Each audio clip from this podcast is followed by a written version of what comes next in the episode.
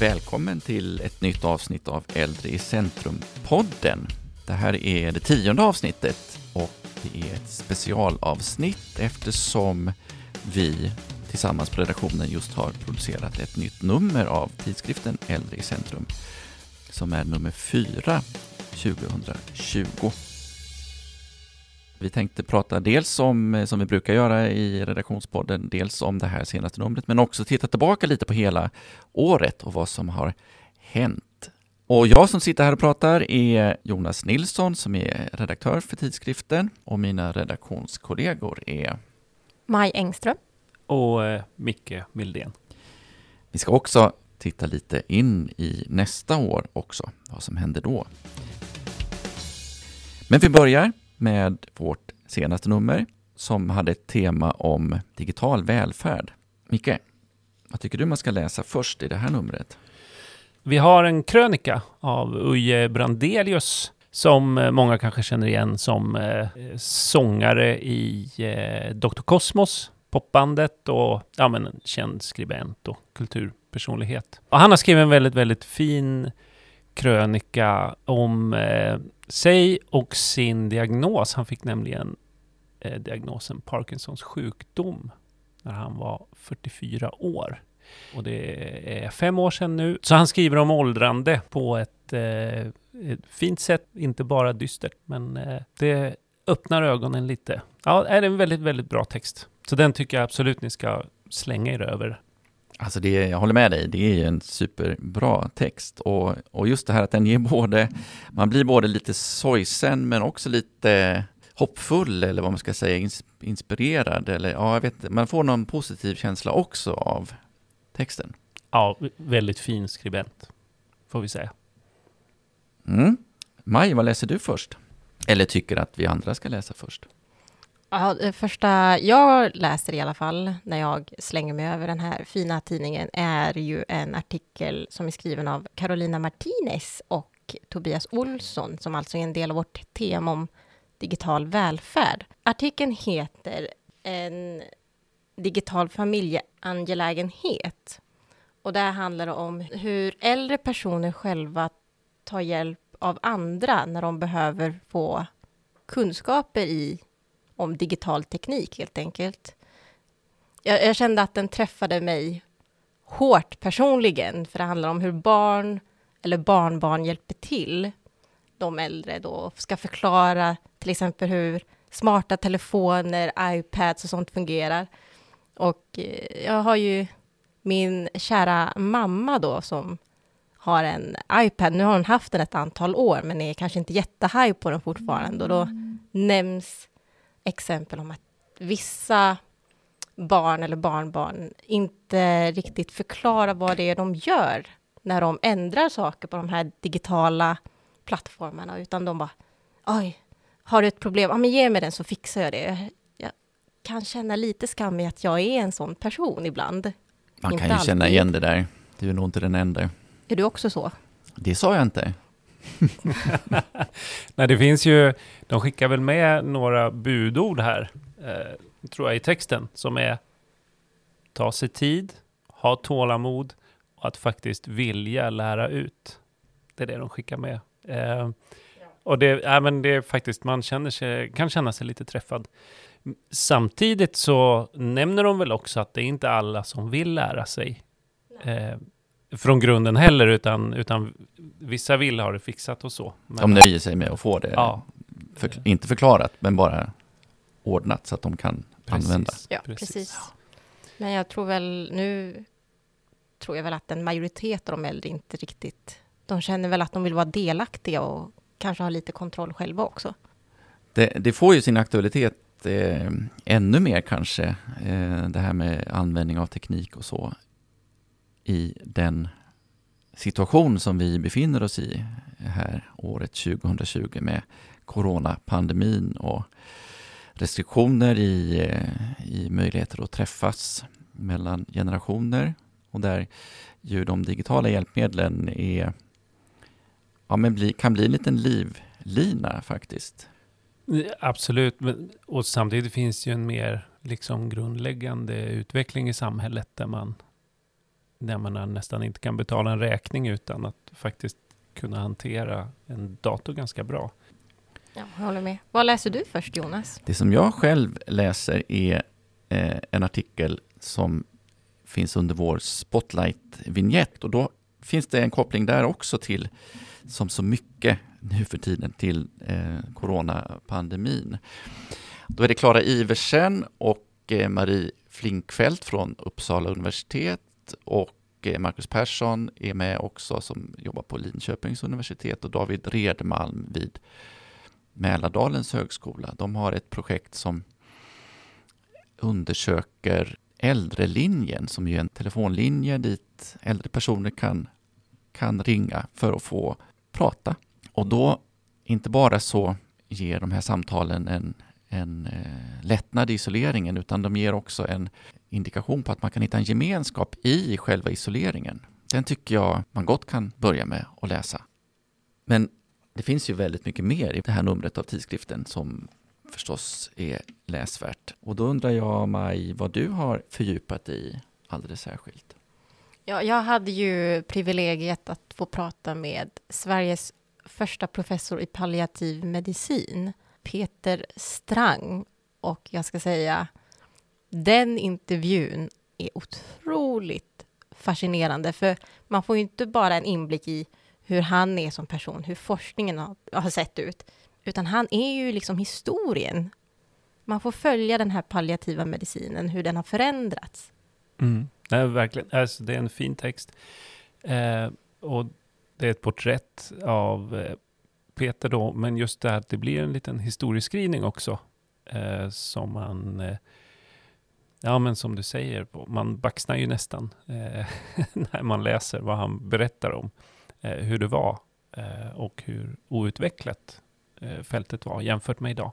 Ja, men precis. Att den palliativa vården har utvecklats till att handla mycket om existentiella funderingar och hur man hanterar det på ett bra sätt och verkligen inte bara en, en dos morfin var fjärde timme. Exakt. Och han, han betonar ju också hur mycket den palliativa vården betyder, inte bara för den som ligger där och är på väg bort, utan också för människorna runt omkring. Att det här är liksom det sista intrycket du får av den människan som du sen kommer få leva med resten av livet. Själv tänkte jag eh, ta upp en artikel ur temat digital välfärd som lite grann bryter mot eh, de övriga artiklarna. Den är en varning för teknikoptimism. Jag tänkte dock börja med att citera ur den första artikeln ur temat som heter Geronteknologi, digitalisering och silverekonomi. Och där slås det fast att vi står inför en, både en global ökning av andelen äldre och begränsade möjligheter att öka antalet som arbetar inom hälso och välfärdssektorn. Och då pekar den artikeln på användning av teknik som kan stödja både de professioner som arbetar i, inom välfärden och de som behöver ta del av välfärdstjänster eh, som, ja, som en väg framåt. Då. Eh, kontrasterande mot det då så finns den här varning för teknikoptimism som som förstås också ser den här möjligheten till eh, att tekniken kan hjälpa oss, men som lite grann pekar på problem kanske med alltför stor teknikoptimism. Det finns en hel del teknik som redan används och implementeras och det är, framställs ibland som någonting som är nödvändigt för just för att möta då framtida krav på vård och omsorg. Men då vill eh, den här artikeln som är skriven av Susanne Frennert vid Malmö universitet problematisera lite omkring detta och varna för en övertro för att tekniken på egen hand kan ge lösningar. Ja, men det är ju väldigt välgörande med någon som eh, står och håller emot lite. Jag, jag tänker att mycket av den här teknikutvecklingen drivs ju av entreprenörer som tar fram ny teknik och skapar företag eh, kring den och det finns ett incitament att framställa allting som otroligt positivt då. Och så jag tror att i den här utvecklingen så behövs det också de som påminner om, om andra sidor Eh, med saken.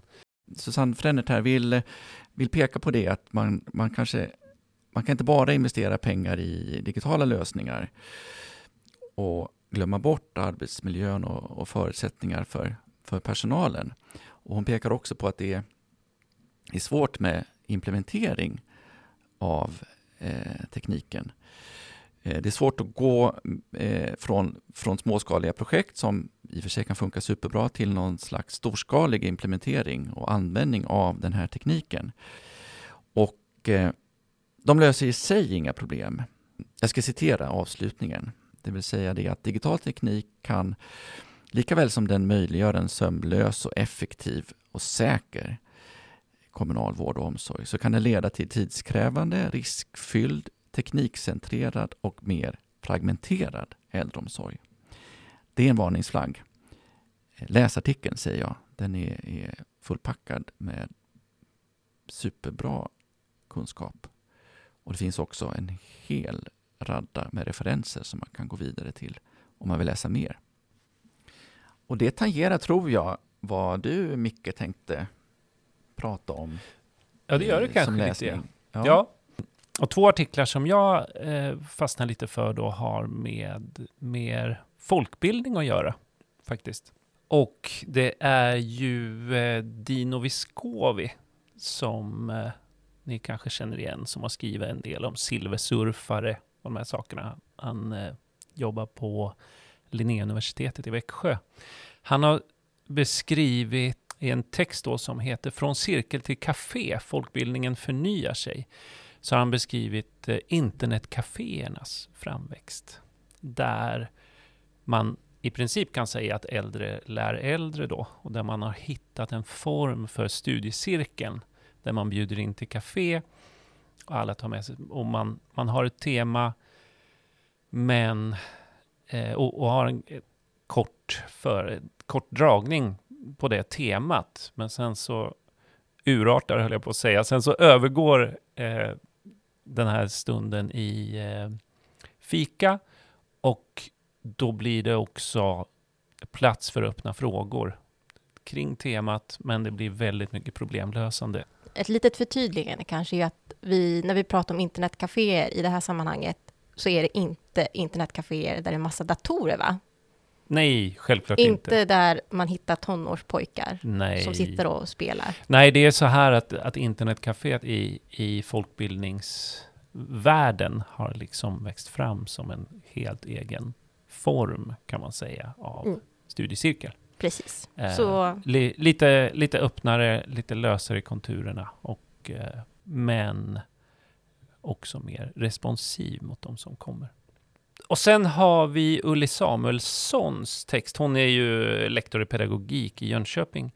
Då hon har gjort en text om biblioteket som support och social mötesplats. Som handlar om just sådana här ja, internetsupport eh, tillfällen som våra bibliotek erbjuder. Hon poängterar hur viktigt det är att, att med de här stunderna så finns det ofta tillfälle att se hela människan. Kommer dit med ditt problem och din osäkerhet, kanske din eh, otrygghet och, och, och blir sedd i det. Mm, men hon har också en ganska fin skrivning. Hon eh, beskriver olika typpersonligheter. Hur eh, någon kommer och, och kan ingenting, någon vill ha ett väldigt specifikt problem löst. Någon kommer för att eh, de bara vill ha eh, någonting fixat så att de kan fortsätta lägga ut sin nästa podd och är lite mer sådär high-end eh, användare och så. Och att just eh, på de här mötesplatserna så finns det utrymme för hela det här spannet. Då.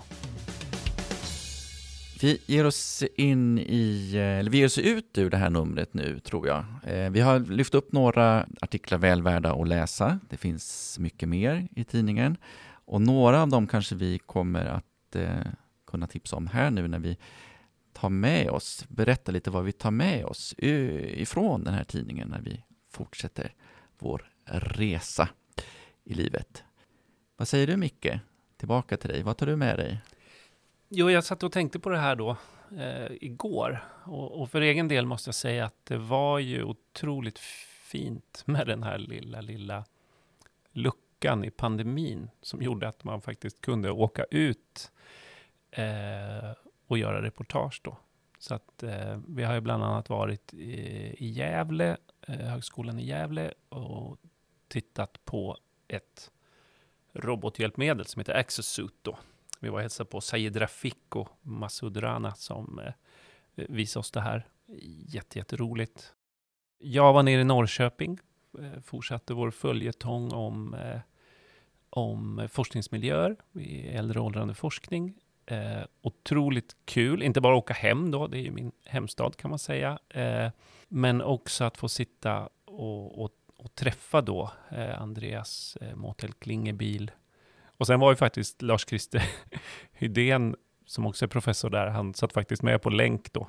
Men jag var där i alla fall. Men det här att, att få komma ut och se eh, hur ni har det där ute, det är väldigt, väldigt skönt. Och nu har vi ju stängt ner igen då. Så att, eh, jag hoppas att det ska släppa snart bara.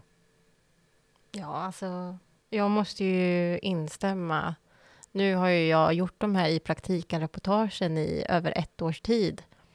Och då har ju målet alltid varit att jag ska vara på plats, jag ska intervjua dem, jag ska ta bilder själv. Och sen slår pandemin till. Och eh, vi har ju fått det till att fungera ändå, även om det inte har blivit så som vi har velat. Men den här luckan som Micke nämner då, där man får åka ut, det var en stor lättnad kan jag säga. Ja, det var det verkligen. Så nu får vi ju se hur det blir ja, framåt våren då, så med i praktiken och sånt, reportage och intervjuer. Jag tänkte lyfta upp det faktum att vi har några informationssidor från olika forskningscentrum. Eh, AgeCap heter ett som finns i Göteborg eller vid Göteborgs universitet. Och ARC, ett annat, Aging Research Center, som är baserat på eh, Karolinska institutet och Stockholms universitet. Det är också Nationellt kompetenscentrum anhöriga som har ett uppslag och Svenskt demenscentrum också.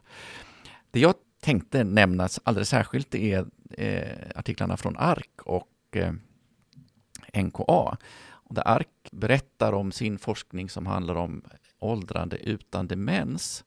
Men det verkar finnas eh, mekanismer som kan förhindra klinisk sjukdom, till exempel engagemang i psykosociala och livsstilsrelaterade aktiviteter.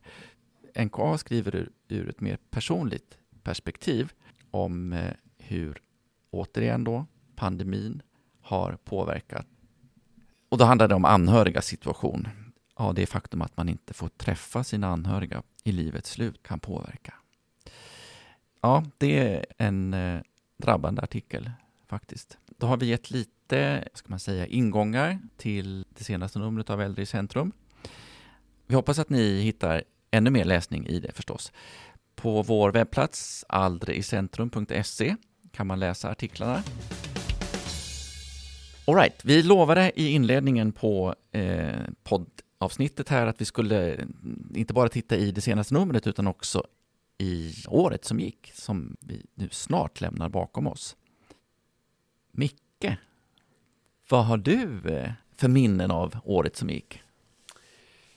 Jag började jobba här i mars. Väldigt kul. Jag kom ju in i eh, slutfasen med nummer ett. Satt och läste korr eh, och sådär. Och slogs av vilken bredd det, det är på texterna. Eh, och vilken bredd det är på den svenska forskningen inom äldre och åldrande och, och hur mycket det är som pågår. Sen tycker nog jag kanske att den stora höjdpunkten egentligen eh, under året var väl det här preventionsnumret som vi gjorde, nummer två tror jag det är. Va? Dels så var det ett otroligt kul nummer att göra. Ja, min kanske stora favorit där, jag ringde ju ner till eh, Habo som jobbar med eh, hälsosamtal och pratade med Hans eh, Lingfors eh, där nere som är läkare sedan länge och har varit med och utvecklat då de här hälsosamtalen eh, i Habo. Eh, väldigt intressant, väldigt liksom slående hur, jag menar, hur enkelt det kan vara någonstans. Hur gör man för att liksom må bra. En stor favorit från det numret var ju också att vi, att vi fick in eh, Emilio Glömskan av den spanska serietecknaren eh, Paco Roca. Eh, jättefint seriealbum som vi fick puffa lite för. Eh, och det är inte så ofta vi puffar liksom, skönlitteratur på det sättet. Men, men det var roligt. Så att jag vet inte om det bara om det, om det liksom är för att det var det första numret jag var med och gjorde, eller om det blev lite, lite extra bra. Väldigt kul att göra, väldigt kul att läsa, tycker jag.